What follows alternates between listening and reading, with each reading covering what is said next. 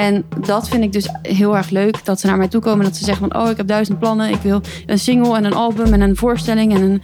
eigenlijk wil ik dan ook zelf het artwork maken. En eh, ik heb eigenlijk ook daar geen geld voor. En eh, ik moet ook nog subsidie, maar ik weet niet waar dat zit. En dat er echt zo heel veel aan de hand is, zeg maar. Ja, En dat ik dat dan gewoon met een soort van door een soort trechter kan duwen. ja. Tot het gewoon een plan is waar ze daadwerkelijk iets mee kunnen. Kijk uit. Vanaf hier word jij geïnspireerd. In gesprek met uiteenlopende creatieve geesten ga ik op zoek naar de rol van creativiteit in hun leven. Mijn naam is Jikke, fotograaf, host van deze Creative Boost podcast en de website creativeboost.nu. Creativiteit maakt mijn leven completer. Hoe is dit voor mijn gast van vandaag?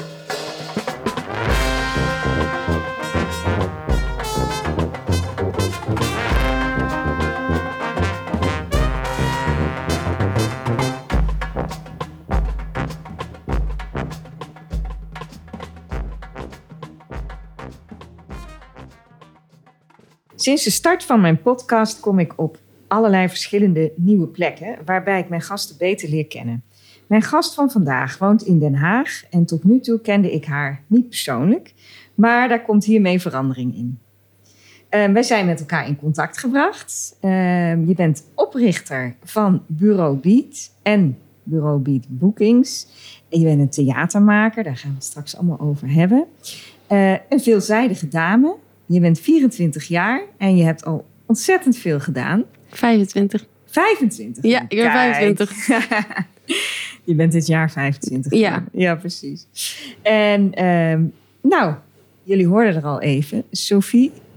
Laurent? Heel goed. Ja. Sophie, ehm, waarmee begon jouw carrière eigenlijk? Want die begon al best vroeg dan. Ja, nou, ik heb gewoon altijd naast mijn studie heel veel gewerkt. En ook veel eh, ja, vrijwilligerswerk gedaan in de culturele sector.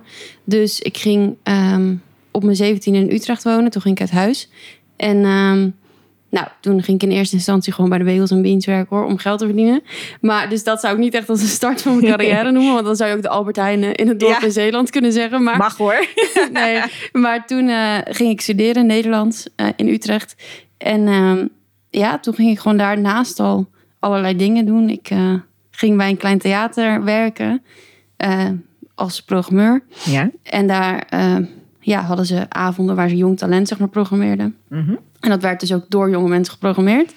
Eh, en ik ging toen columns schrijven voor een feministisch platform. En daar ging ik heel snel ook allerlei andere dingen doen. Dus events organiseren. En ja, wat deed ik daar allemaal? Echt van alles. Een beetje uitvoerende rol had ik daar. Ja. En ehm, ja, zo ging dat balletje eigenlijk een beetje rollen. Ik heb echt toen allerlei dingen gedaan. Ik, op een gegeven moment ging ik van Utrecht naar Gouda. Omdat, eh, nou ja, woningcrisis. Daarom eigenlijk. En toen ging ik bijvoorbeeld voor in de buurt daar schrijven. Dus Ja. eigenlijk heb ik toen allerlei dingen gewoon... deed ik steeds naast mijn studie. Ja. Ehm, ja, zo is eigenlijk mijn carrière denk ik Mooi. begonnen. Dus ik had gewoon allerlei verschillende rollen steeds En, je, in de culturele sector. en dat kon je ook zien als baantjes, zeg maar, hè, voor je studie. eh, ja. Nou, Of was het meer ja, vanuit interesse dat je dacht, hé, hey, maar hier wil ik eh, in groeien? Het was voor mijn studie had ik er niks aan, want het was op de universiteit, dus Hmm. die staan totaal niet in het werkveld. ik bedoel, ja, eh, ze willen daar gewoon dat je dingen leert. Ja, Maar je krijgt echt geen studiepunten als je werkt of zo. Dat, dat willen ze helemaal niet. nee, Dus daar was het niet voor. Maar ja, ik denk dat veel dingen gewoon op mijn pad kwamen of zo. ja, Eh, of, ik kwam het, dan- of iemand anders deed het en daar hoorde ik dan van. Of ik zag er- ergens online iets voorbij komen. Ja. Dus het was wel echt vanuit mijn eigen interesse. oh mooi. Ja, Ja, dat is wel goed. En fijn dat je daar ook de tijd voor had om dat erbij te doen. nou, En de Ik- ene studie is drukker dan de andere ja, ik deed ook heel vaak daarom de studie dan niet. Oh, Maar ja, ja, zo kan het ook. Keuzes Ja, maken. precies. Ik Ja. dacht dan, nou ja, als ik gewoon voor het tentamen leer, dan komt het wel goed. Ja, En dat was ook wel en dat zo. was ook zo. Ja. Nou, super. Dan is het goed, toch? Ja. En ehm, ja, wat was het gevolg eigenlijk van die opleiding? Nou, ehm, uiteindelijk kwam natuurlijk corona. Ja. Ehm, dus toen, Want ja. misschien moeten we nog even benoemen wat de opleiding precies was. ja, Nederlandse taal en cultuur studeerde ik gewoon. Ja. Dus ja, Wat, wat, wat, wat kwam er dan aan bod ongeveer? nou, zowel literatuurwetenschap, Mhm. dus eh, van de middeleeuwen zeg maar tot nu, en taalwetenschap, en dat is echt een soort wiskunde, maar dan met taal. Mhm. Dat, eh, deed ik, dan, kan je dus een richting kiezen en ik deed dan literatuur. Dus eh, taalwetenschap had ik dan alleen maar in het begin. Dat vond ik ook verschrikkelijk. En de meeste mensen die in Nederland studeren willen docent worden. Ja? Maar dat ja, wilde ik echt niet worden. Ik deed gewoon, het leek me gewoon leuk. Ik had er niet heel erg een plan achter of zo. Als Neerlandicus kan je eigenlijk niks. Nee. Het is echt een studie voor, van niks. Het is, het is op zich wel een goede studie, maar het is niet dat je daarna zo van zo, nu ben ik afgestudeerd. Ja. Nu ga ik eens in dit veld werken. Want er zijn ongeveer tien mensen in Nederland die in dat veld werken. Ja, precies. Dus, en natuurlijk, er zijn dan nog wel banen daarnaast. Want je kan redacteur worden bij een uitgever. Daar ben ik ook even geweest. Je kan ehm, in een bibliotheek werken. Ja. Maar echt zeg maar heel inhoudelijk iets doen met al die kennis over literatuur of zo. Ja, dat is natuurlijk geen baan. Net als dat als je filosofie studeert, ja. word je meestal niet filosoof, zeg maar, daarna. Nee, nee, precies. Dus je- ik snap ja, wat je bedoelt. Op de universiteit word je natuurlijk gewoon niet echt praktisch opgeleid. Nee. Ehm, ja, dus dat is ook niet echt. Ik had ook niet tijdens de hele studie niet per se zoiets van: hier ga ik wat mee doen. Hmm. Maar stiekem Dat, eh, doe je er misschien toch wat mee, hè? Want cultuur, eh, de Nederlandse taal ben je ook echt mee bezig. Je Ja. schrijft graag, je, in allerlei vormen eigenlijk. Zeker, ja, het, het is natuurlijk wel. Ik, ik denk wel best vaak terug bijvoorbeeld aan dingen die ik heb geleerd. Niet in hele letterlijke zin. Nee. Maar je, hebt, je leert natuurlijk wel bijvoorbeeld anders lezen. En Ja. je denkt anders na over tekst. Dus in die zin neem ik het zeker wel mee, ja. Ja, ja, maar in de, ja, alles wat je doet vormt je eigenlijk natuurlijk. Dus dat, eh, precies. ja. Maar het was dus niet een soort studie die ik ging doen vanuit een heel praktisch oogpunt. Nee, Ik heb bijvoorbeeld ook eh, een minor kunstgeschiedenis gedaan. En dat had ik ook prima kunnen studeren. Ja. En dan had ik uiteindelijk denk ik nu hetzelfde gedaan. ja, precies. Dus ik denk dat het dat niet heel erg had uitgemaakt. Maar op een gegeven moment eh, kwam natuurlijk corona. En alles wat ik deed was gewoon heel erg live. Dus ik organiseerde live, evenement, live evenementen. Ik werkte bij een theater. Ehm, nou ja, het was allemaal heel erg live. En dat kon toen niet meer. nee. Ehm, en nou ja, dat was natuurlijk niet leuk, maar ik had het daarvoor ook wel heel druk. Dus ik vond het in het begin ook best wel relaxed. Ik dacht, nou ja, oké. Je Toen dacht iedereen ook nog van het duurt drie maanden. Ja, je ja. Het is het Je nu even het niet vakantie. eigenlijk, hè? Nee. Nee. Dus dat was toen wel nog heel positief. En toen dacht ik, nou ja, hè, we hebben nu even een soort winterslaap. nou ja, en toen ging die studie ook meer naar de achtergrond. Want dat werd natuurlijk ook allemaal online. Dus dat Mhm. kostte ineens heel weinig tijd. Ja, Want ja, je had twee keer per week twee uur moest je naar een college kijken. ja, En af en toe een paper schrijven, maar dat was het. dat was het. Dus er waren ook een soort van zeeën van tijd over. Ja, Ehm, dus toen, in 2021 denk ik. Of 22. Nou, toen ben ik dus bij een uitgever gaan werken. ja. Ehm, en die ging toen failliet.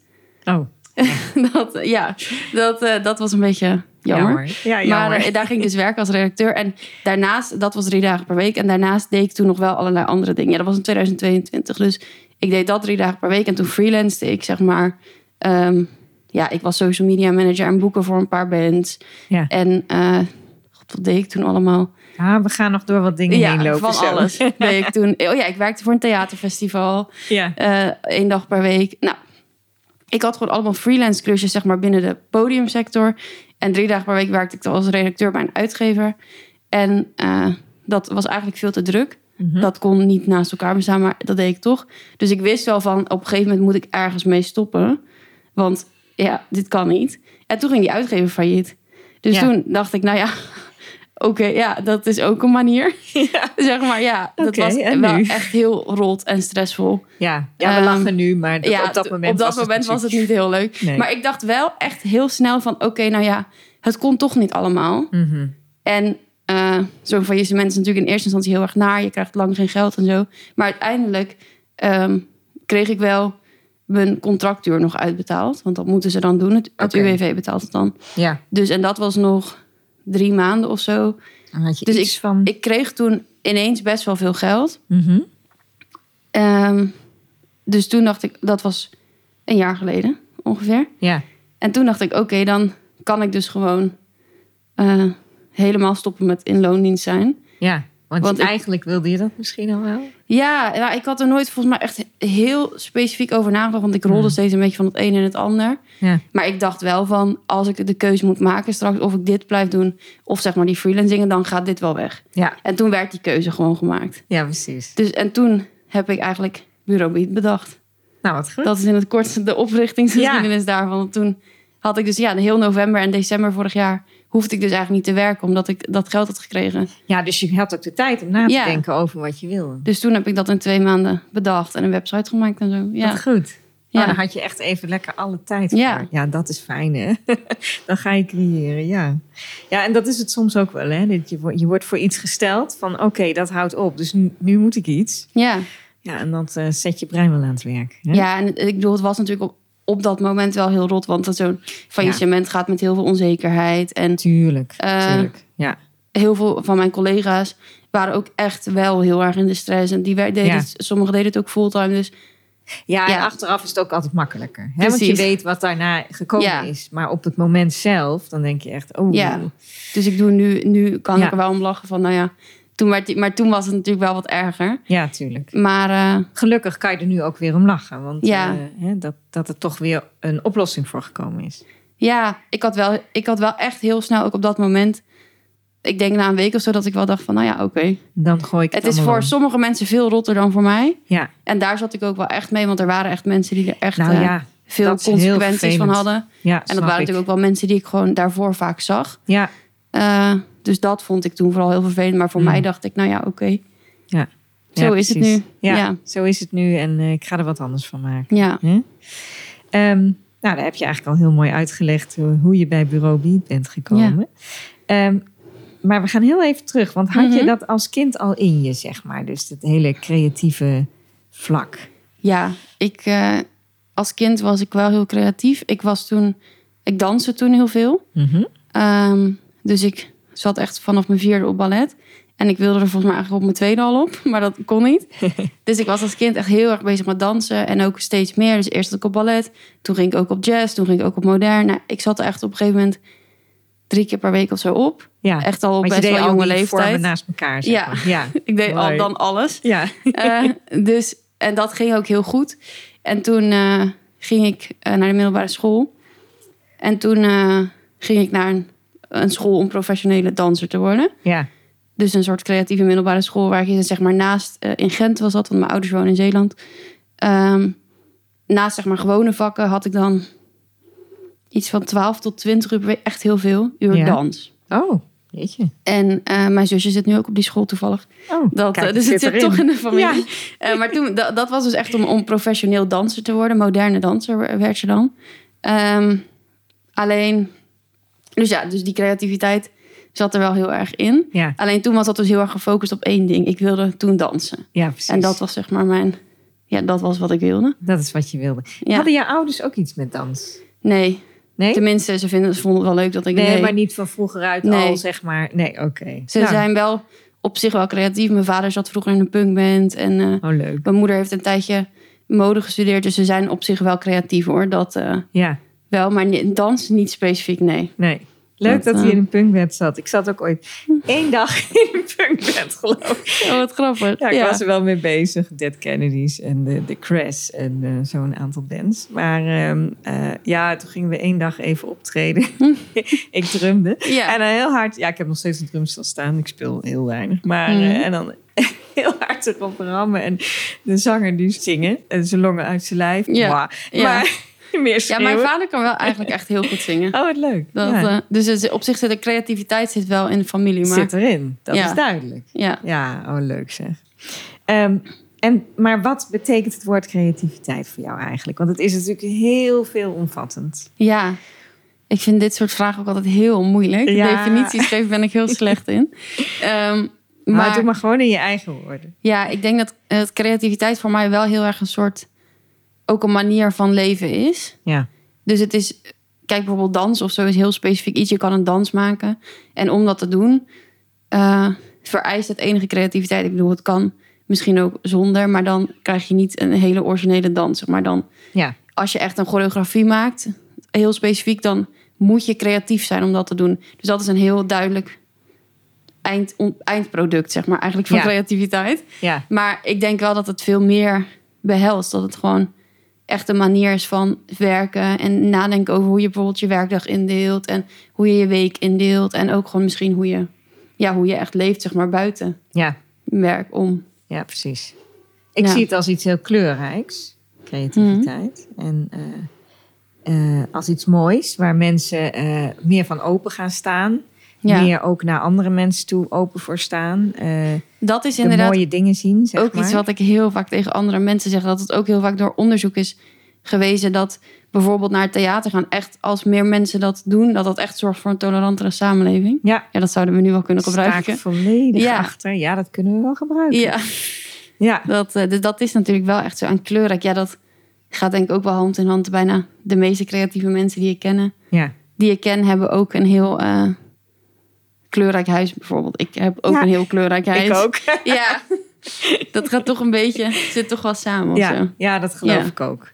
En dan weet ik, ken ik ook wel kunstenaars die het allemaal behoorlijk strak hebben. En eh, ook, hè, natuurlijk. Maar die zijn in hun kunst ook wel weer... Misschien ook een bepaalde mate van strak. Hè, want dat heb je Mhm. natuurlijk binnen dans ook wel weer. Dat, eh, je hebt natuurlijk ook hele goede dansers... die op zijn allerbeste een heel klassiek stuk willen kunnen dansen of zo. Ja. Hè? Dus dan is het eigenlijk al heel erg vastgelegd wat ze dansen. Maar ze perfectioneren het natuurlijk heel erg. Ja, precies. Maar ja, dat manier is, van leven is ook wel weer creatief natuurlijk. ja, Want- ik denk dat het dan is het meer echt topsport, denk ik. Ja, nou, ik denk, ja. ja. ik denk ook uiteindelijk... Ik ben dus op een gegeven moment met die eh, school gestopt... omdat ik een Ja. blessure kreeg. Ah, En dat was toen... eh, ja, vond ik dat heel erg. Want ja, ik wilde al vanaf mijn vierde danser worden. Ja. Dus toen was ik eigenlijk je vijftiende of zestiende of zo... ik weet niet meer precies... dat dus niet meer kon worden. Omdat ja, ik een blessure had. Ja. Eh, ja, toen wist ik natuurlijk niet echt wat dan. Want ik dacht, dit was een soort van Dit het. identiteit. Ik ben een danser. Ja. Ehm, maar achteraf gezien denk ik echt, ja, dat was echt nooit wat geworden.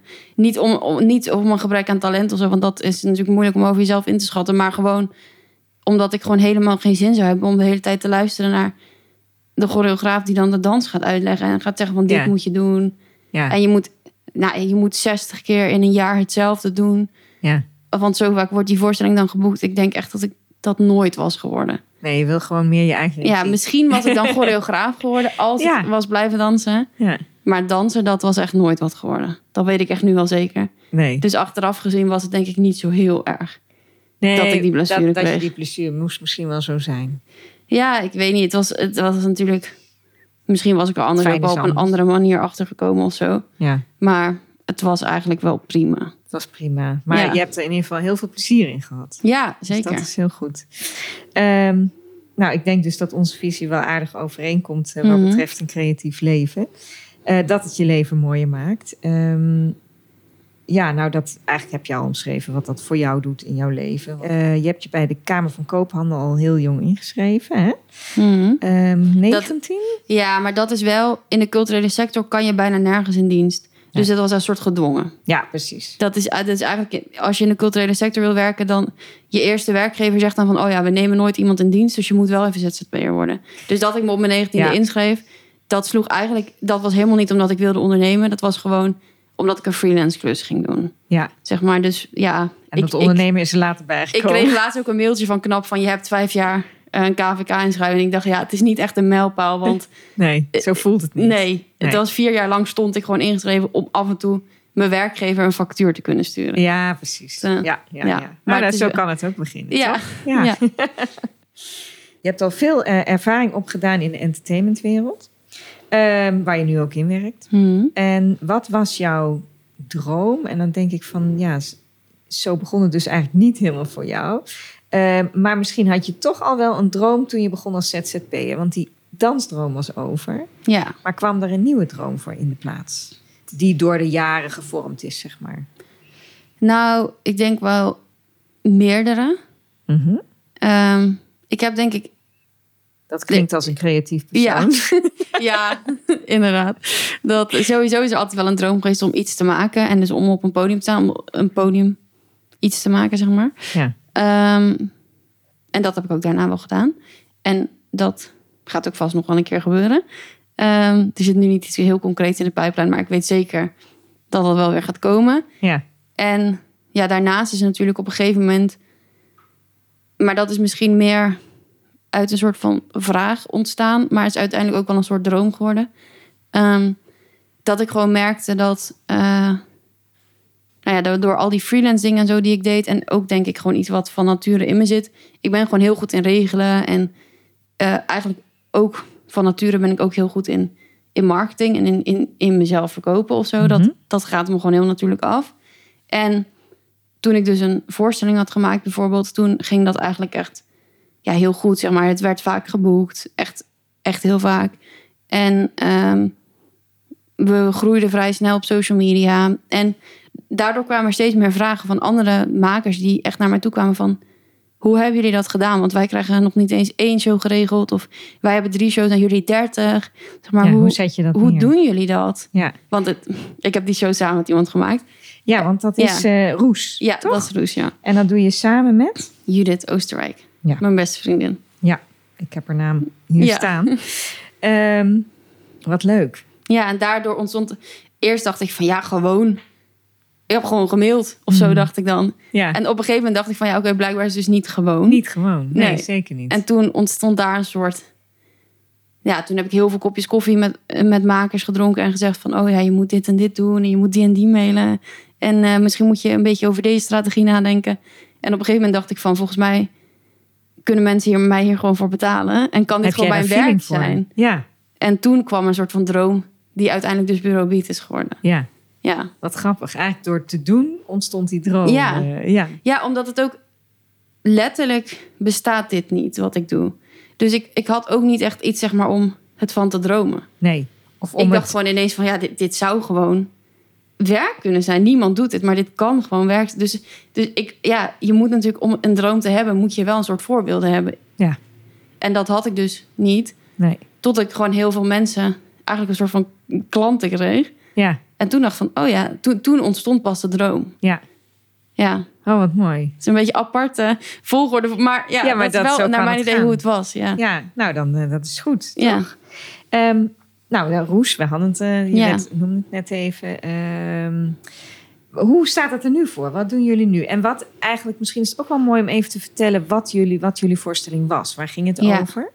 Nou, Roes zijn dus eh, Judith en ik. En we zijn dus beste vriendinnen. In het En allebei leven. roodharig, toch? Ja, hebben allebei rood. Nou, het is geverfd, maar Maakt niet het uit. is wel een leuke, een unique selling point van ons. Ja. Ja, nee, ehm, ja, ik eh, voor corona, ehm, toen trad ik veel alleen op en toen eh, schreef ik dingen en die las ik dan voor.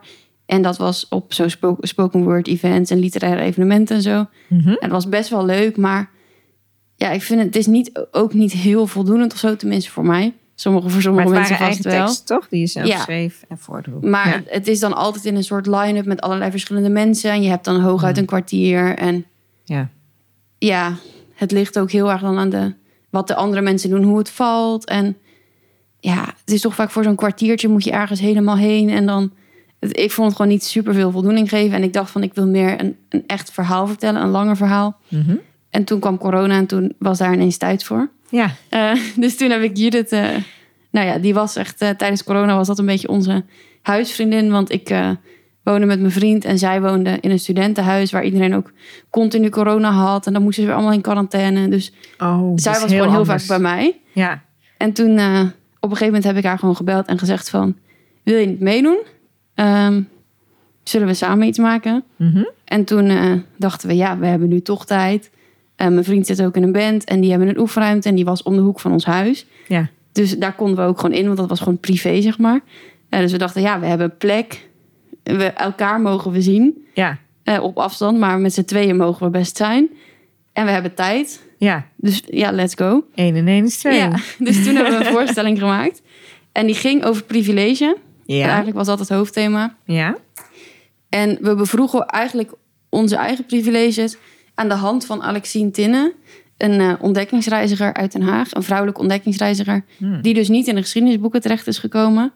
Ehm, Daardoor misschien nog interessant. ja, dat vonden we dus juist Ja. heel boeiend om zo'n verhaal te vertellen. Ja. Dus het was ook echt wel een feministische voorstelling. Ehm, en eigenlijk vroeg, want zij heeft ook niet zo, ja, dit klinkt nu heel lullig, maar ze heeft ook niet zo heel veel bereikt. Maar ze heeft wel een stuk meer bereikt dan heel veel mannelijke ontdekkingsreizigers die wel in de geschiedenisboeken terecht zijn gekomen. Ja. Dus zij heeft als eerste de Sahara overgestoken. Oh, echt? Nou, dat is best wel. eh, het, is- Stoer. het was echt in. Ja, ik ben er even helemaal uit uit maar in, in, in, in 1880 of zo, dus was niet heel vroeg of zo. Hmm. Eh, er zijn echt veel grotere ontdekkingen gedaan dan dit. Maar er zijn toch, ja, heeft zij daar niet echt credit voor gekregen. Tenminste, inmiddels wel meer. Er is laatst een hele tentoonstelling over geweest in Den Haag. Maar toen wij dit maakten niet... eh, als mensen nu luisteren denken... ja ik heb die tentoonstelling gezien. Ja. Dat zou inmiddels kunnen. Eh, maar dit is ook al drie jaar geleden. Ehm, en nou ja, dus we vroegen ons dan af van waarom is hij er dan niet in gekomen? Terwijl sommige mannen die echt, nou ja, zeg maar, het voor het eerst een rondje op het IJsselmeer hebben gevaren, zijn die er, staan die er wel in. Ja. Terwijl die nog veel minder hebben bereikt. ja, precies. En dat, eh, dat vroegen we ons dus eigenlijk af. Want ze had ook allemaal dingen gedaan die niet door de beugel konden. Ja. Eh, Met slavernij en zo natuurlijk. Want dat ja, kan bijna niet anders. Ja. Met zo'n, ze was namelijk ontzettend rijk. Echt, als je het net nu zou omrekenen, miljardair. Oh, echt? Ja, mensen in dienst. Dus ze had ook echt een heel na randje. Ja. Maar dat hebben al die mannen ook. En die, staan toch die vermeld. staan er toch in. Ja, dus ja, zij da- niet. Ja. dat probeerden we op dat snijvlak te Ja. onderzoeken. Ja. Dus ja, daar Mooi. ging het over. Mooi. Ja. En eh, daar kreeg je dus goede reacties op. Want je zei het, eh, je kon het echt wel eh, op meerdere plekken boeken. ja, we konden het goed verkopen. Ja. Ehm, het was wel heel ingewikkeld hoor, want het was best een ingewikkelde voorstelling. Hmm. Het was namelijk een voorstelling met liedjes, dus dan noem je het kleinkunst. En dan hebben mensen toch snel het idee dat het... Het was oprecht wel grappig. Er zaten grappen in, maar het, was, het had vooral wel echt inhoud. Ja. Ehm, En, er is een bepaald publiek. ja, dat, dat valt gewoon niet overal. Dus we hebben, wel, we hebben het heel vaak gespeeld. Maar we merkten eigenlijk wel dat... Nou ja, zodra we zeg maar een beetje in Schubbekutteveen kwamen... het gewoon echt totaal... dat mensen echt dachten van... Huh? de- eh, feminisme hoeft toch niet meer, vrouwen mogen stemmen en eh, Ja. wat een onzin. Ja. Dus we merkten wel dat eigenlijk gewoon het thema gewoon alleen speelt. Nou, niet alleen speelt, maar in, onder een bepaalde groep speelt. Ja. En dat die toch voornamelijk in steden zitten. Ja. Dat is natuurlijk niet uitsluitend zo, maar over het algemeen genomen was het zo. ja. Dus dat was eigenlijk best eh, ingewikkeld. Mm. Maar eh, Plus, eh, mensen moesten weer naar het theater komen. ja, dat was ook heel en dat was ingewikkeld. natuurlijk ook nogal weer een drempel. Ja, dat is überhaupt nog Ja. steeds. Ja. Dat het theater daar nog steeds last van. Ja. Dat, eh, Vervelend, hè? Ja, Gewoon- behalve de ja. grote namen of zo, hè? Maar die, dat er in het algemeen ja, in het algemeen zijn de, de ticketverkopen nog steeds veel minder dan voor corona. zo zonde. Ja, Ja. maar mensen hebben gewoon andere hobby's gekregen. Oh, ja, dat is Die het zijn ook. andere dingen gaan doen. Ja, en, en er is zoveel te doen. Dat Ja. is het ook, hè? Er is echt ongelooflijk veel. Ja. Dus nee, maar dat is ook lastig om, om eh, vandaag de dag iets te verkopen. Hè? Ja. Dus in de vorm van eh voorstelling of een workshop of Ja, bedenk precies. het maar. ja.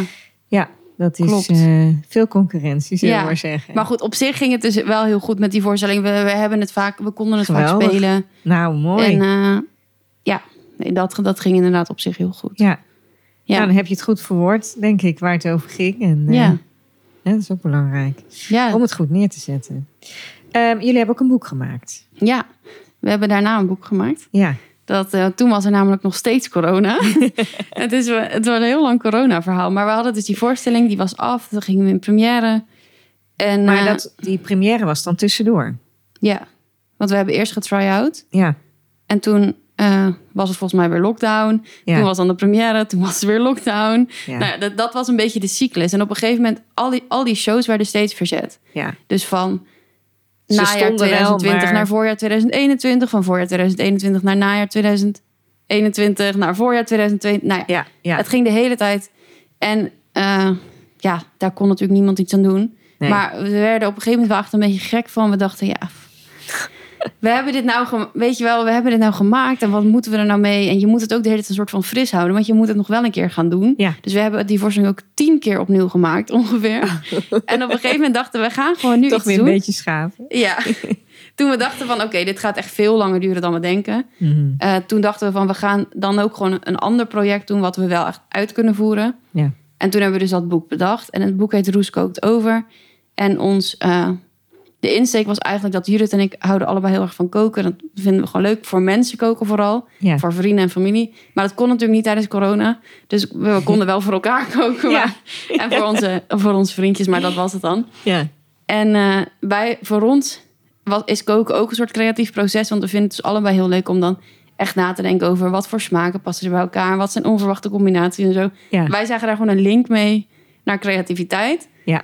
En eh, toen dachten we, is het niet leuk als we gewoon twintig theatermakers eh, gaan interviewen. Ja. En dan gaan vragen of zij dat oh, zeg maar wat de overeenkomsten zijn tussen hoe zij theater maken of liedjes maken of eh, sketches maken bijvoorbeeld en hoe ze eten maken. Ja. En Oh, dan bij hun aan de keukentafel, want ja, het was corona, dus het moest dan echt wel bij hun thuis. Ja, Ehm, en dat, eh, dat is gelukt. Daar zeiden heel veel mensen ja op. wat leuk, want die dacht ook... ja, oh, die ik hadden ook allemaal niks te doen. ja.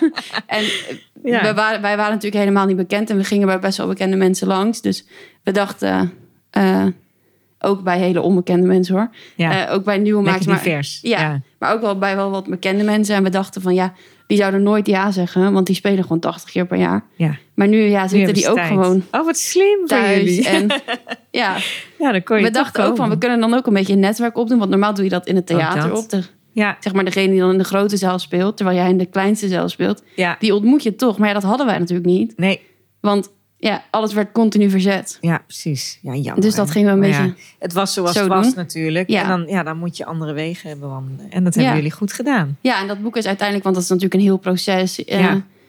Ik heb me voornamelijk met de teksten bezig gehouden en Judith met het beeld. Ja, Dus zij maakt ook foto's. Dus ze had voor alle eh, gasten dan op de foto gezet.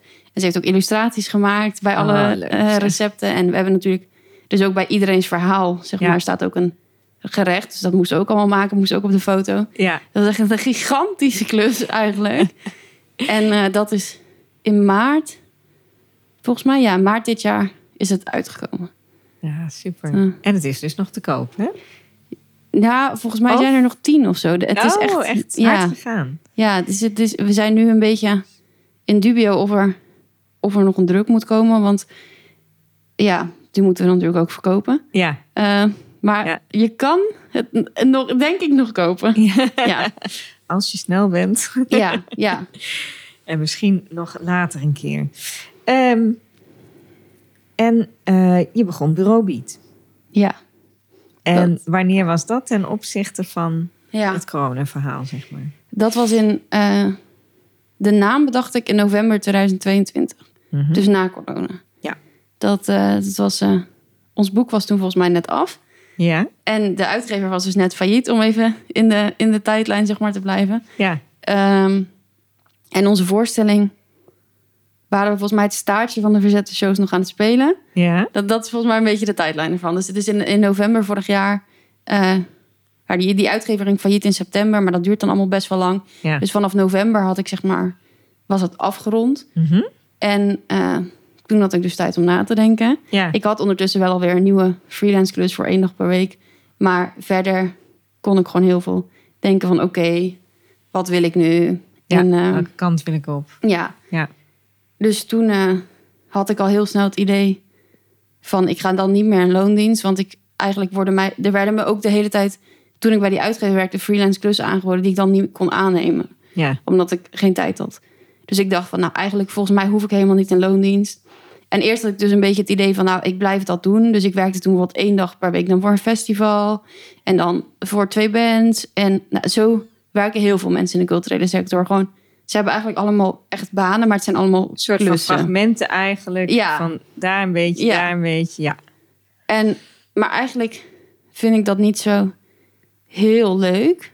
En Hmm. ik vind het ook best wel vermoeiend of zo. Om elke dag maar op iets anders. Ja, ja, je hebt heel veel in je hoofd. Van dat Ja. moet nog, dat moet nog. En het zijn allemaal verschillende dingen. Ik herken het heel erg. ja, En eh, ik snap wel dat je dat eigenlijk meer zou willen bundelen als het kan. Ja, je kan ook nergens echt diep op ingaan. Want ik deed dan Hmm. bijvoorbeeld de marketing voor een theater, maar daar stonden eigenlijk gewoon te weinig uren voor. ja, ja. Ehm, of voor een festival. Maar ehm, daar stonden dan eigenlijk te weinig uren voor. En daardoor was het echt zo van, nou ja, oké. Je doet Eh, wat je doen moet, maar Precies, dat is de social Ja. media posts die kunnen er wel uit. Maar er is totaal geen tijd om zeg maar het echt goed te doen. Mm. En ja, dan vind ik het gewoon niet leuk. Nee, dus, dat begrijp ik. Ja, Ja. dus ik, toen dacht ik van... Nou, nou ja, toen zat dat natuurlijk ook in mijn hoofd. Van dat allemaal mensen dus naar, on- naar mij toe kwamen... in het kader van Roes. Dus van, hoe doen jullie dat? En Ja. kan ik een keer met je praten? En eh, ook steeds meer bands kwamen. Want dat balletje gaat natuurlijk ook rollen van... oh, wie is jouw boeker? Oh, die ken ik niet, ik mag er nummer. ja. En toen dacht ik, ja, misschien kan ik dat gewoon allemaal bundelen. Mhm. En toen heb ik een soort de eerste versie van Bureau Beat bedacht. En eh, dat was in november. En toen dacht ik, nou dan, in januari lanceer ik het zeg maar dan. Ja. Dan zeg ik, dit bestaat nu.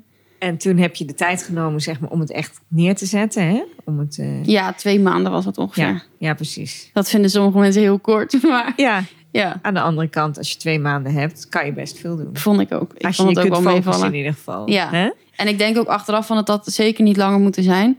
Want Mhm. ik heb echt in de eerste maand alweer allemaal dingen omgegooid. En ik, ik dacht toen echt heel erg van... oké, als je hier zes maanden aan gaat zitten... aan een bedrijfsplan en zo... daar heb je eigenlijk volgens mij helemaal niet zoveel aan. Nee, want, je leert het pas als je het doet. bent. Ja. dus ja. Ja, dat snap ik. En ehm, en wat is je grootste drijfveer erin? Wat, wat je met Bureau Beat voor elkaar wil krijgen, zeg maar, voor anderen? Nou, het leukste vind ik dus... ehm, nou, wat ik... Eigenlijk de meeste makers die naar mij toe komen...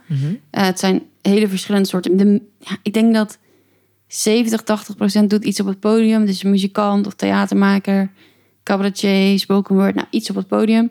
En een soort van 20 à 30 procent doet andere dingen zoals illustrator, eh, fotograaf, vormgever, eh, Ja. andere dingen in de creatieve sector. En die Schrijvers. zijn jou ook op pad gekomen, zeg maar. Ja, meestal via Instagram. Oké. Dat eigenlijk komen al mijn klanten via Instagram of via via. Hm, ja, Dat, eh, dat blijft altijd. Ja, precies. Eh, maar Instagram is wel echt mijn nummer één eh, verkoopkanaal eigenlijk. Hm. Ehm, maar ja, die, die komen naar mij. En vaak is het een soort... Kijk, ik wil niet generaliseren, maar de, heel veel creatieve mensen zijn ook een beetje chaotisch. Eh, en dat is bij mijn, de makers waar ik mee werk in elk geval wel Ja. echt... Het, overgrote deel is best wel chaotisch. Ja, En chaotisch door de hoeveelheid aan plannen. ja, Overal liggen ideeën. Ja, en ik heb, ben, op sommige dingen wel chaotisch. Ik ben bijvoorbeeld altijd al mijn spullen kwijt. Maar ik ben qua werken en, en plannen maken... en ook dus echt qua, qua creativiteit... zeg maar gewoon heel, best wel geordend. Ik kan heel goed regelen. Ik kan goed organiseren. Ik kan goed plannen. Ja, Ehm, en dat vind ik dus heel erg leuk. Dat ze naar mij toe komen en dat ze zeggen van... oh, ik heb duizend plannen. Ik wil een single en een album en een voorstelling. En een, eigenlijk wil ik dan ook zelf het artwork maken. En eh, ik heb eigenlijk ook daar geen geld voor. En eh, ik moet ook nog subsidie, maar ik weet niet waar dat zit. En dat er echt zo heel veel aan de hand is, zeg maar. ja, En dat ik dat dan gewoon met zo'n soort van door een soort trechter kan duwen. ja, Tot het gewoon een plan is waar ze daadwerkelijk iets mee kunnen. ja. En eh, dat deed ik dus eerst allemaal één op één. En nou ja, nu is dat ook in, in groepsvorm en, en, en online. En het kan ook nog steeds één op één. Maar zeg maar in al die verschillende vormen Mhm. is dat een beetje waar het op neerkomt. En het, het andere ding wat daar dan vaak aan gelinkt is, is als ze dat plan eenmaal hebben, dan zijn ze heel erg op het maken van oké, dan moet ik dus een album gaan maken. Dan moet ik dus een voorstelling gaan maken. En dan vergeten ze zeg maar het verkoopgedeelte. Want ja. ja, Ze zijn al zo druk met het creatieve verhaal. ja Dus, als jij een voorstelling hebt gemaakt, ja, dan moet je die ook nog zorgen dat die gaat spelen. Dan moet je op de juiste momenten programmeurs mailen. Je moet überhaupt goed kunnen pitchen. Nou, daar Ja. zitten natuurlijk allemaal aspecten aan. En als je dat hebt, dan moet je nog zorgen dat die zaal vol zit. Want ja, niemand kent jou. Of ja. je hebt eh, misschien 500 volgers of 1000. Maar niet genoeg om 10 zalen mee te vullen. Nee, nee. Dus dan moet je daar mee aan de bak. En dat, En ja, hoe gewoon- doe je dat dan weer? ja, dat hele marketing, sales dat vind ik ook gewoon heel leuk. En eh, dat is dan meestal zeg maar de volgende stap. Dus vaak eerst maken we echt een, een duidelijk plan. ja, Want Dan gaan zij met het creatieve proces bezig. Of ze zitten daar al in. Dat ligt er altijd een beetje aan. En dan gaan we samen weer kijken naar... oké, maar hoe ga je dit dan zakelijk aanpakken? Hoe zorg je dat je er geld aan verdient? Dat er mensen naar komen kijken? ja. Hoe laat je het echt Ja. leven? Dat het, dat het echt iets worden. wordt. Ja, precies. Ja, Mooi. dus ja, dat. En je hebt ook ehm Bureau Beat Booking. Ja, Dat ben je er ook bij gaan doen.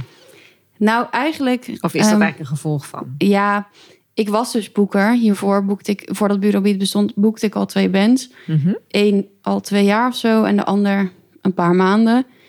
En ik dacht van, nou ja, dat blijf ik er gewoon naast doen. Ik ga die bands nu niet ineens dumpen. En het past ook best wel goed eh, binnen Bureau Beat. Ja, Dus ik doe dat gewoon. ja. En ik dacht van, het geeft me op een bepaalde manier ook wel credibility Mhm. eh, naar nieuwe klanten toe.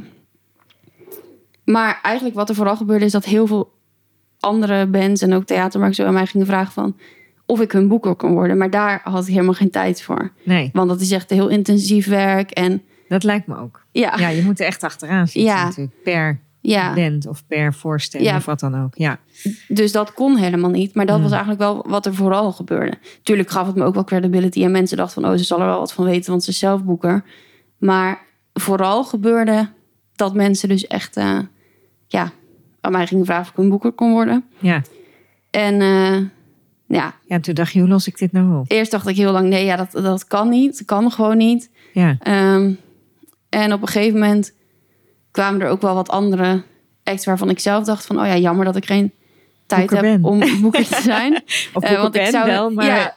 ja, die tijd. ik die zou tijd. graag wel willen toevoegen, zeg maar, aan het troost, maar dat, dat kan nu niet. Ja, Ehm, en toen dacht ik, ja, misschien moet ik gewoon onder de vlag van Bureau Beat, want daar werden die mensen die ik wel boekte ook wel onder geboekt. ja, Eh, moet ik er gewoon een boekingstak aan toevoegen en daar gewoon iemand anders voor zoeken die dat dan uitvoerend kan doen. En die heeft dan gewoon één, nee, ik wou zeggen simpele taak, dat valt wel mee, maar gewoon één hele duidelijke, afgekaderde taak. ja, Het enige wat zij doet is shows boeken ja, voor de. Nou, dit twee mensen zijn er dus inmiddels nu vier. Want zij heeft natuurlijk wel tijd om wat meer te doen. ja, ehm, om shows te regelen ja. voor die act.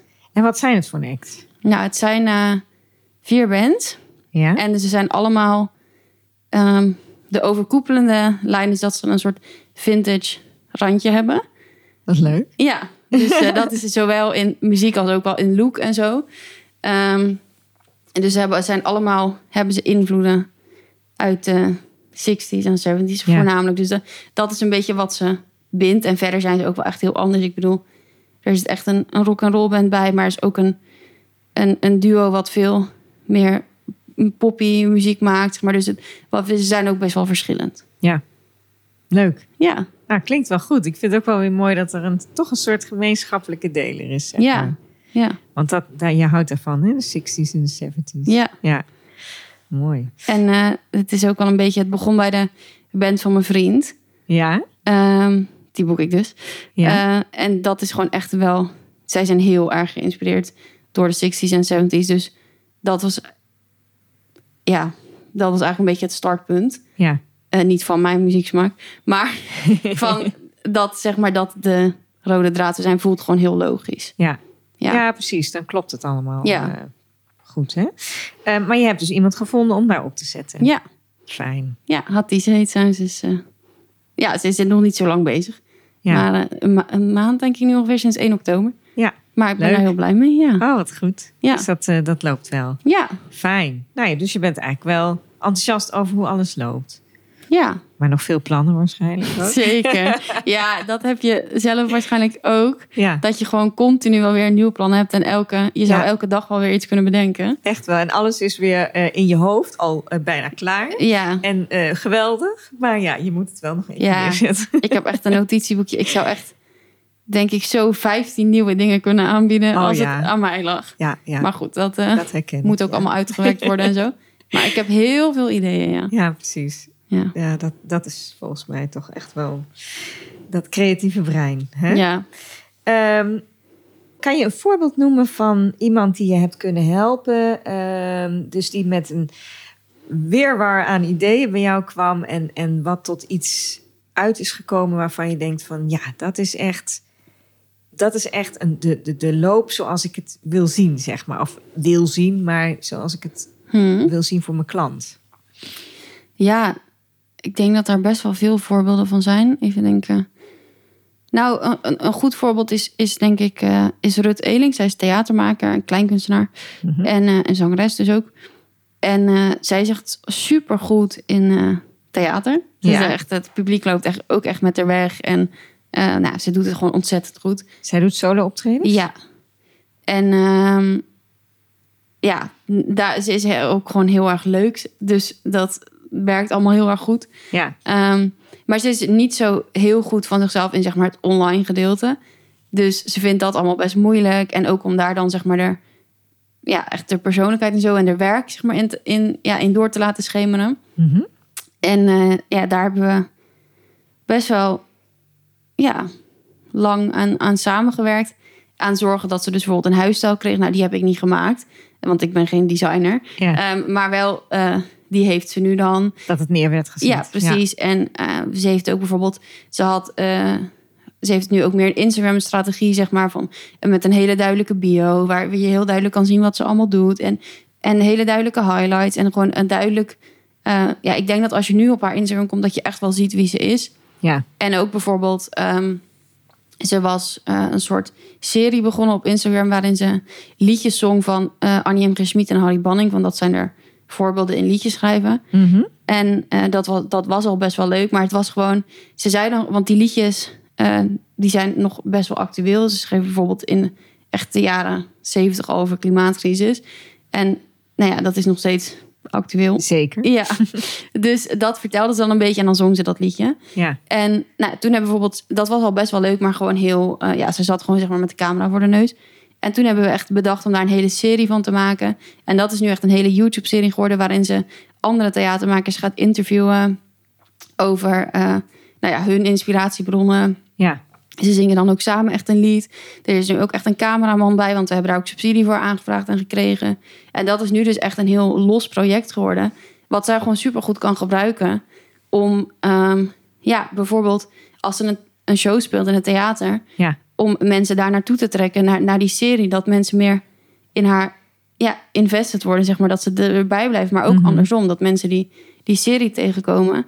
weer eerder naar het theater gaan. Want, nou ja, wat we net al zeiden... het is nog steeds heel moeilijk om kaartjes te verkopen... Ja, als je nog niet eh Theo Maas bent, zeg maar. precies. Ja. Eh, dus hoe goed je ook bent, dat maakt daar eigenlijk helemaal niet zoveel voor uit. Want mensen Ze gaan gewoon niet zo snel naar nieuwe namen. ja, precies. Dus dat is wel echt een heel goed voorbeeld van, eh, ja, van hoe dat heeft gewerkt, denk ja, ik. En hoe dat voor elkaar Ja. werkt ook. Die verschillende dingen, maar hoe dat dan goed samenkomt. ja, Ja, ja, want het is echt, als je die serie kijkt en naar haar voorstelling bijvoorbeeld zou kijken, dan zie je wel echt duidelijk daar een lijn in of zo, ja, die daar gewoon zelf is. Want ik geloof heel erg in, ja, personal branding, dat je gewoon zelf als maker eh, als het echt jou verkoopt, en- zeg maar, en eigenlijk niet je Ja. product. En dat is bij haar nu echt heel erg zo in allebei. Mooi. Ja, Dus haar sfeer wordt heel duidelijk neergezet. Ja. Haar eh, feeling, zeg maar. Mooi. ja. Goed voorbeeld, ja. Eh, je houdt van verbinden.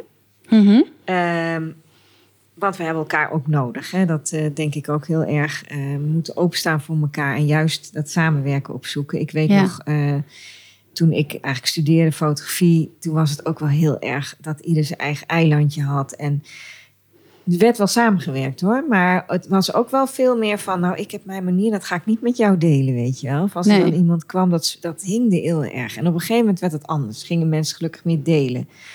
Nou, dat vond ik zo fijn eigenlijk. Hè? Dus in het ik, begin ja. denk je van, oh nee, maar je moet niet te veel delen, want dan gaat iemand anders met mijn idee vandoor, dat soort dingen. En je kunt, je kunt eigenlijk heel veel delen, maar je kunt ook bijvoorbeeld net bepaalde dingen niet noemen natuurlijk. En want het gebeurt natuurlijk wel dat iemand er met je idee vandoor kan gaan, maar toch kan je elkaar gewoon verder brengen. Ja. Dat is super belangrijk. en jij bundelt je krachten ook met anderen. Ehm, dus hoe omschrijf je zelf jouw krachten? Ja, jij bent dus goed in het, eh, als je het bekijkt voor een ander, zeg maar, in de ideeën van de weerwaar van ideeën een, een duidelijk plan te maken. Hè? Van ideeën naar Mhm. plannen, plannen, zoals je ook zegt. Ehm, heb je nog iets wat je zou kunnen zeggen van hé, hey, dat is. Je kan goed plannen. Nou, Ja. dat is denk ik al een heel goed iets. Ja. ja, nee, ik denk inderdaad wat jij zegt. Ik, ik ben inderdaad wel goed in verbinden. Dus ik, ik heb dat bijvoorbeeld wel, eh, nou, ook, ook best wel in mijn privéleven. Ja. Ehm, maar ook dus eh, met Bureau Beat. Het is echt een community. Ja. Zeg maar mijn, ze noemen het mij maken. Tussen aanhalingstekens.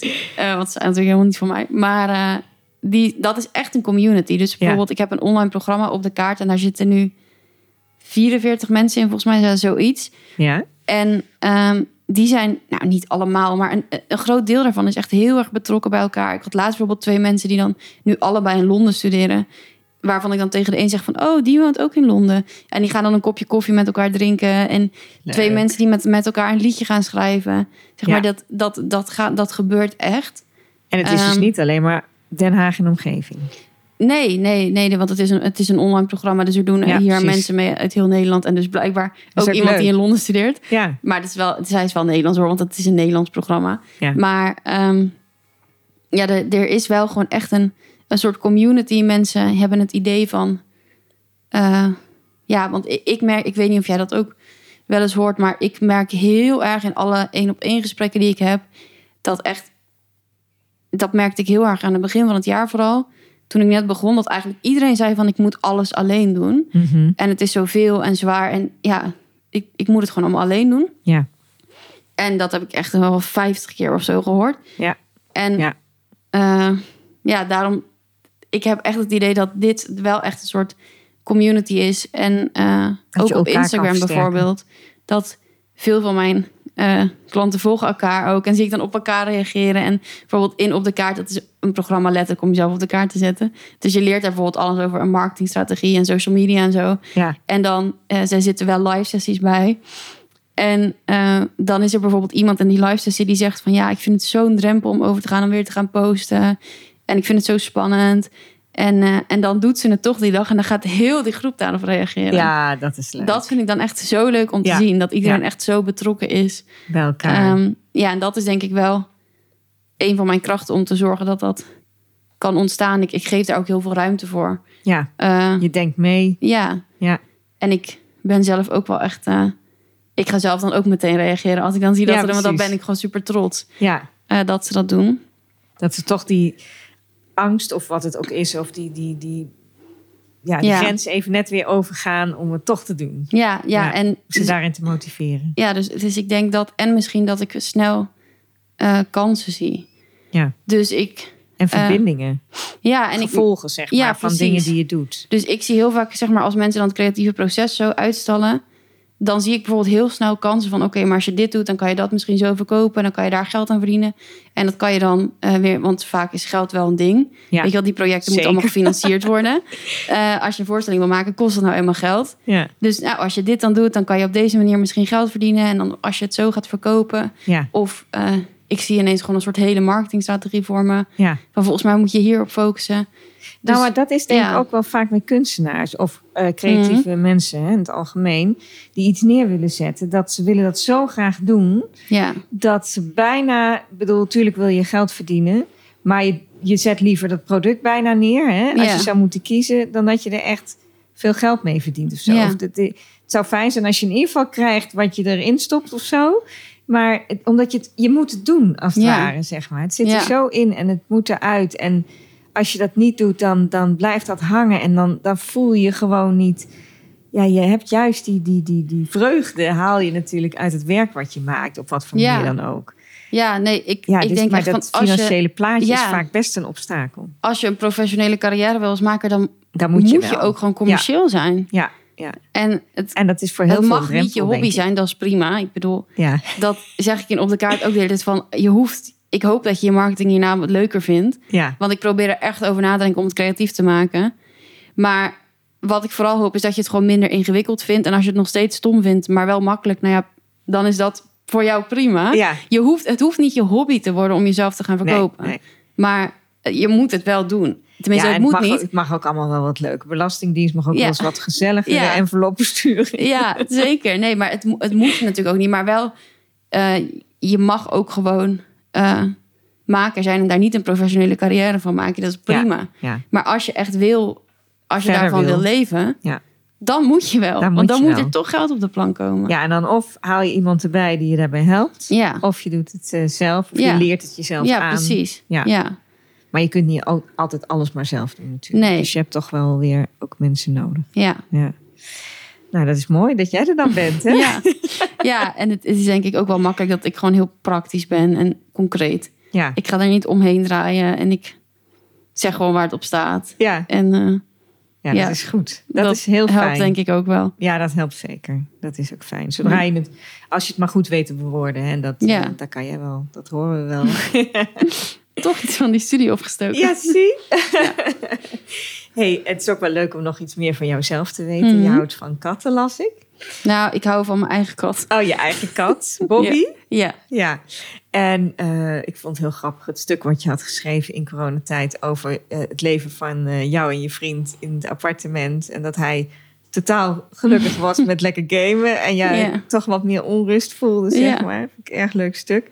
Dank je. Ehm, en eh, ja, ja, nou, je vertelde net al, je houdt van koken, Mhm. van lezen, boeken, Ja. van wijn, Ja. dansen.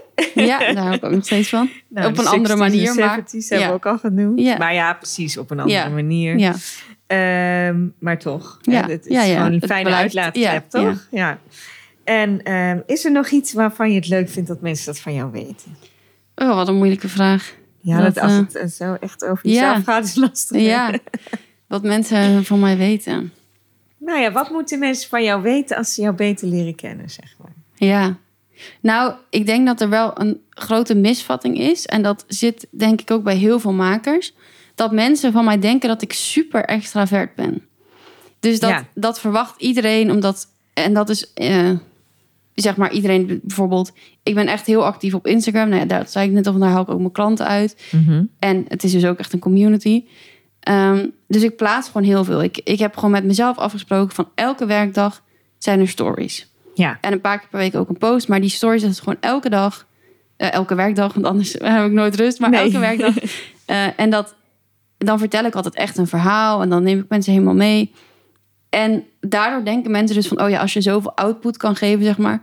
dan zal je wel heel extravert zijn. of zo. Dus dat is, dat denken ze, dan denken ze van... oh ja, ik ben dan niet. Dus ik kan dat niet gaan doen. ja. En dat is dus wel echt een soort hele grote misvatting. Want ik ben dat ook helemaal niet. Nee, Ehm, ik heb denk ik wel een extravert kantje, maar ik ben ook heel erg gesteld op gewoon heel veel alleen zijn. Ja. Alle- en ook alleen met mijn vriend zijn, alleen thuis zijn. En ik laat wel echt op van eh, dat. ja, En ik vind het ook heel leuk om, dat heb je nodig. om naar buiten te gaan, naar, naar, naar de kroeg of naar concerten of zo. Ja, Maar dat kost me wel energie. ja, Dus volgens mij maakt dat me in essentie al niet extravert. Want die mensen laten op van bij mensen zijn. ja, En dat hoor ik dus ook van heel veel makers. Van ja, maar ik ben helemaal niet eh, extravert. Dus ik kan het allemaal niet. Ik, ik kan mezelf niet de hele tijd laten zien. Mm. En ja, ik denk dus dat dat echt de grootste misvatting ooit is. Want er zijn zoveel manieren om jezelf te laten zien. En ja. tuurlijk, ik moet mezelf soms ook wel even over een drempel heen. En kijk, Ja, maar is dat niet leuk? Is dat Ja. niet juist goed dat je jezelf af en toe over een drempel heen Ja. moet zetten? En gewoon dingen moet doen. En daar krijg je heel veel energie van. en uiteindelijk wordt het ook steeds makkelijker. Ja, Ik bedoel, aan het begin van het jaar moest ik me er meer toe zetten. Maar nu is het gewoon een soort van, ja, mijn tweede natuur bijna. precies. Ja, Ik moet elke dag een verhaal vertellen online. ja.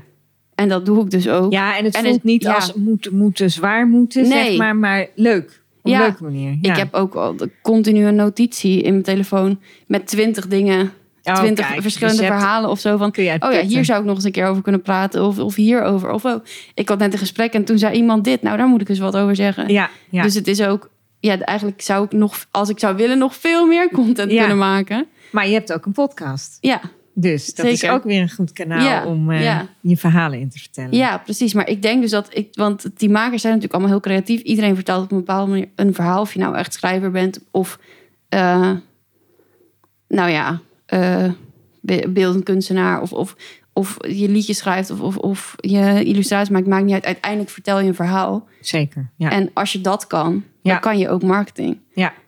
Maar dat Maar dat is soms heel veel wel... mensen nog niet. Eh, ja, in, in, mensen zoeken denk ik vaak naar wat voor een vorm moet dat dan hebben. Ja. En ik denk dat heel veel mensen denken, oh, maar straks ben ik te veel in beeld. Hè? Ja. Dat houdt ook heel veel mensen tegen. Ja. Van, oh ja, maar dan zien ze mij weer voorbij komen. ja, maar, maar dat- mensen zien dat helemaal niet alles. nee, en dat denk je maar alleen dat over idee jezelf. heb je wel. Ja. Ja. ja, En dat snap ik ook wel. Dat is een bepaalde bescheidenheid, wat ook weer mooi kan zijn. Maar je moet je ook laten zien natuurlijk. ja, Ja. Dus dat, eh, je moet toch die grenzen over. ja, ja, Maar je moet er ook een bepaalde vorm in vinden. En dat Ja. is denk ik voor de meeste creatievelingen het lastigst. ja, Hè, om daar eh, eh, een gestructureerde, even los van al die extra ideeën, vorm in te krijgen. Zeg. ja. Ehm, wie, door wie raak jij geïnspireerd? Echt door heel veel. Door boeken. Door goede boeken. Bijvoorbeeld eh, het laatste goede boek wat ik las... was van Malou Holshuizen. Alleen een duizend mensen heet dat. En eh, zij maakt ook een hele leuke podcast... tussen 30 en doodgaan. Maar eh, dat boek... Ja, het is niet eens zozeer dat ik denk van... ik moet ook zo'n soort boek schrijven. Maar het was gewoon zo goed gemaakt... Ja, dat ik echt denk, wauw, ja. dat mensen dit soort dingen kunnen maken. Daar, daar raak ik wel heel erg door geïnspireerd. Maar ook eh, door muziek.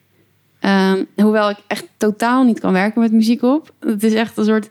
Als Nee? ik werk... Nee, ik- dan, want dan luister ik alleen maar. dan wil je stilte. Ja, dus... eh, nee, ik, ik kan niet werken met muziek op. Dus in die zin kan het me dan zeg maar niet inspireren. Maar het, het, in- ik luister natuurlijk wel veel muziek buiten werk om. Ja, Eh, dus dan kan me wel heel erg inspireren. Ik kan ook wel gewoon echt geïnspireerd worden door de stad of zo bijvoorbeeld. Of überhaupt door buiten zijn, ook wel door de natuur. Maar gewoon Ja.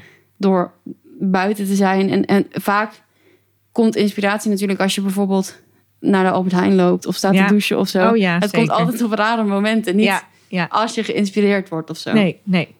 En wat is jouw belangrijkste tip om je te laten zien als maker? Nou, mijn belangrijkste tip is om te kijken waar je doelgroep zit. Ehm, want je kan jezelf wel ergens laten zien, maar als dat niet is waar jouw ideale publiek zit, dan heeft het niet zoveel zin. Dus voor mij is het absoluut Instagram. Ik heb daar ook eh, best wel veel doelgroeponderzoek gedaan. En daar kwam eigenlijk naar voren dat al mijn ideale klanten, zeg maar, gewoon het meest tijd van alle social media doorbrengen op Instagram. En dat ze het ook het fijnste platform vinden om content op te zien. Mhm. Dus dat is voor mij heel duidelijk. En ook fijn, want het is ook het meest in mijn comfortzone. Eh, ik vind Instagram ook gewoon het makkelijkste platform. Dus Ja. dat scheelt. Ehm, Maar als er nou iemand bij jou komt die zegt... ja, ik werk heel graag met Facebook... ga je daar dan in verdiepen voor die persoon? Of... nou, ehm, dat hoeft niet echt. Want wat ik dus doe is... Ik heb het echt over marketingstrategieën. Dus ik Ja, geef niet precies. tips voor Instagram zo specifiek. Nee, Want ik denk dat dat ook niet houdbaar is. Want er komt elke week wel weer iets nieuws. Da- verandert heel snel. Ja, precies. Alles Ja. heeft continu nieuwe functies. Dus ik zit echt meer op- de strategiekant van hoe kan je jezelf echt laten zien in je marketing. Hoe zorg je dat je marketing creatief is. En waar zit die doelgroep in het algemeen? Precies. En op Ja. welk platform dat dan is. Ja. Eh, of dat nou op TikTok is of op YouTube of whatever. Ja, Dat mag maar je allemaal. hebt daar natuurlijk wel feeling voor. Voor wat, Ja. wat, waar zou jouw doelgroep te vinden zijn? Ja. Dat denk ik dat jij dat wel hebt. Ja, en ik, ik denk dus wel dat bij de meeste makers zit het volgens mij wel op Instagram. Of als je echt een jonge doelgroep hebt op TikTok. Mhm. Ik heb best een jonge doelgroep, maar alsnog maar op Instagram. Maar als je echt, Ja. denk ik, bijvoorbeeld tieners of zo, of echt, ehm, ja, dat, dan, dan misschien TikTok. Ja. Maar ja, dus vooral eigenlijk gewoon laat jezelf zien waar Dat je doelgroep zit. Als, het, op LinkedIn is, ja, bij de meeste makers is het niet, maar dan is het op LinkedIn, weet je wel, dan Ja, moet je daar wat voor mee. sommigen werkt Ja. LinkedIn heel goed. Ja, precies. Ja. Ja. Nou, en dan vind ik het leuk om nog even te horen hoe jij allemaal te volgen bent. Dus waar kunnen Ja. mensen jou vinden? Waar kunnen ze jou horen? Waar kunnen ze iets van je lezen? Nou, mensen kunnen mij eh, op Instagram vinden op @bureaubeat en bureau is met een O. Dus B-U-R-O-B-E-A-T. Ehm, daar ben ik dus elke werkdag. Eh, en daar op Instagram geef ik dus ook echt tips voor makers. Eh, dat is een beetje mijn... Daar kan je me vervolgen. En eh, ik heb ook een persoonlijk Instagram-account, maar dat is echt... Ja, daar, daar zet ik eigenlijk nooit wat op, want dat eh, is gewoon privé. Eh, je kan ook Roes volgen. Op dit moment maken we dus niks, maar dat gaat wel weer komen. Dat is Roes Speelt. Ehm, en ik heb ook een podcast, Onders Podcast. Die staat op Spotify en Apple Podcasts. Alle Gewoon- bekende kanalen eigenlijk. Precies, die kan Ja. je overal vinden. En daar hoor je eigenlijk... één keer in de twee weken komt die online. En hoor je eigenlijk een soort voorproefje van hoe het is om met mij te werken. Dus ik eh, zit steeds met een maker aan tafel. Die stelt mij een vraag. Bijvoorbeeld, ik heb net gecrowdfund. Ehm, hoe kan ik nou zorgen dat die donateurs mijn publiek worden of mijn publiek blijven? Ja. Nou, dat ga ik dan on the spot, zeg maar, vandaar de naam Ja. eh, met ze oplossen in een half uurtje. En dan kan die maker dus aan de slag. Maar hopelijk de luisteraar ook. Ja. Eh, en dat is ja, elke week een ander thema. Dus soms gaat het over social media. Soms gaat het over boekingen. Soms gaat het over crowdfunding of subsidie. Gewoon eigenlijk alles. Waar je Ja. de zakelijke kant van je professionele makerschap zeg maar tegenaan kan lopen. eh, bespreken we. Mooi. Dus eh, nou, ja, dan die hebben kan je ook luisteren. idee eh, hoe het is Ja. om met jou te werken. Ja. Ah, geweldig. Nou, dankjewel voor jouw tijd. jij bedankt. De mooie dingen die je gezegd hebt, de tips. En eh, ja, Heel ik denk erg dat leuk mensen hier wel over na kunnen denken. Ja. Ja. ik vind het echt leuk. Nou, en eh, dan eh, gaan wij nog even nakletsen. Mhm. en eh, ik wil je in ieder geval heel erg bedanken. Ja, jij ook heel ik erg vond het echt eh, leuk om jou te gast te hebben. Dankjewel. Inspirerend. Dankjewel.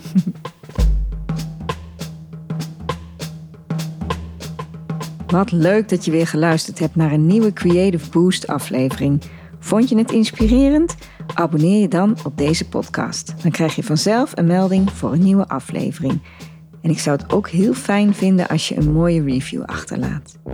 Wil jij meer weten over Creative Boost of ken je iemand die deze podcast of andere activiteiten die ik organiseer leuk zou vinden?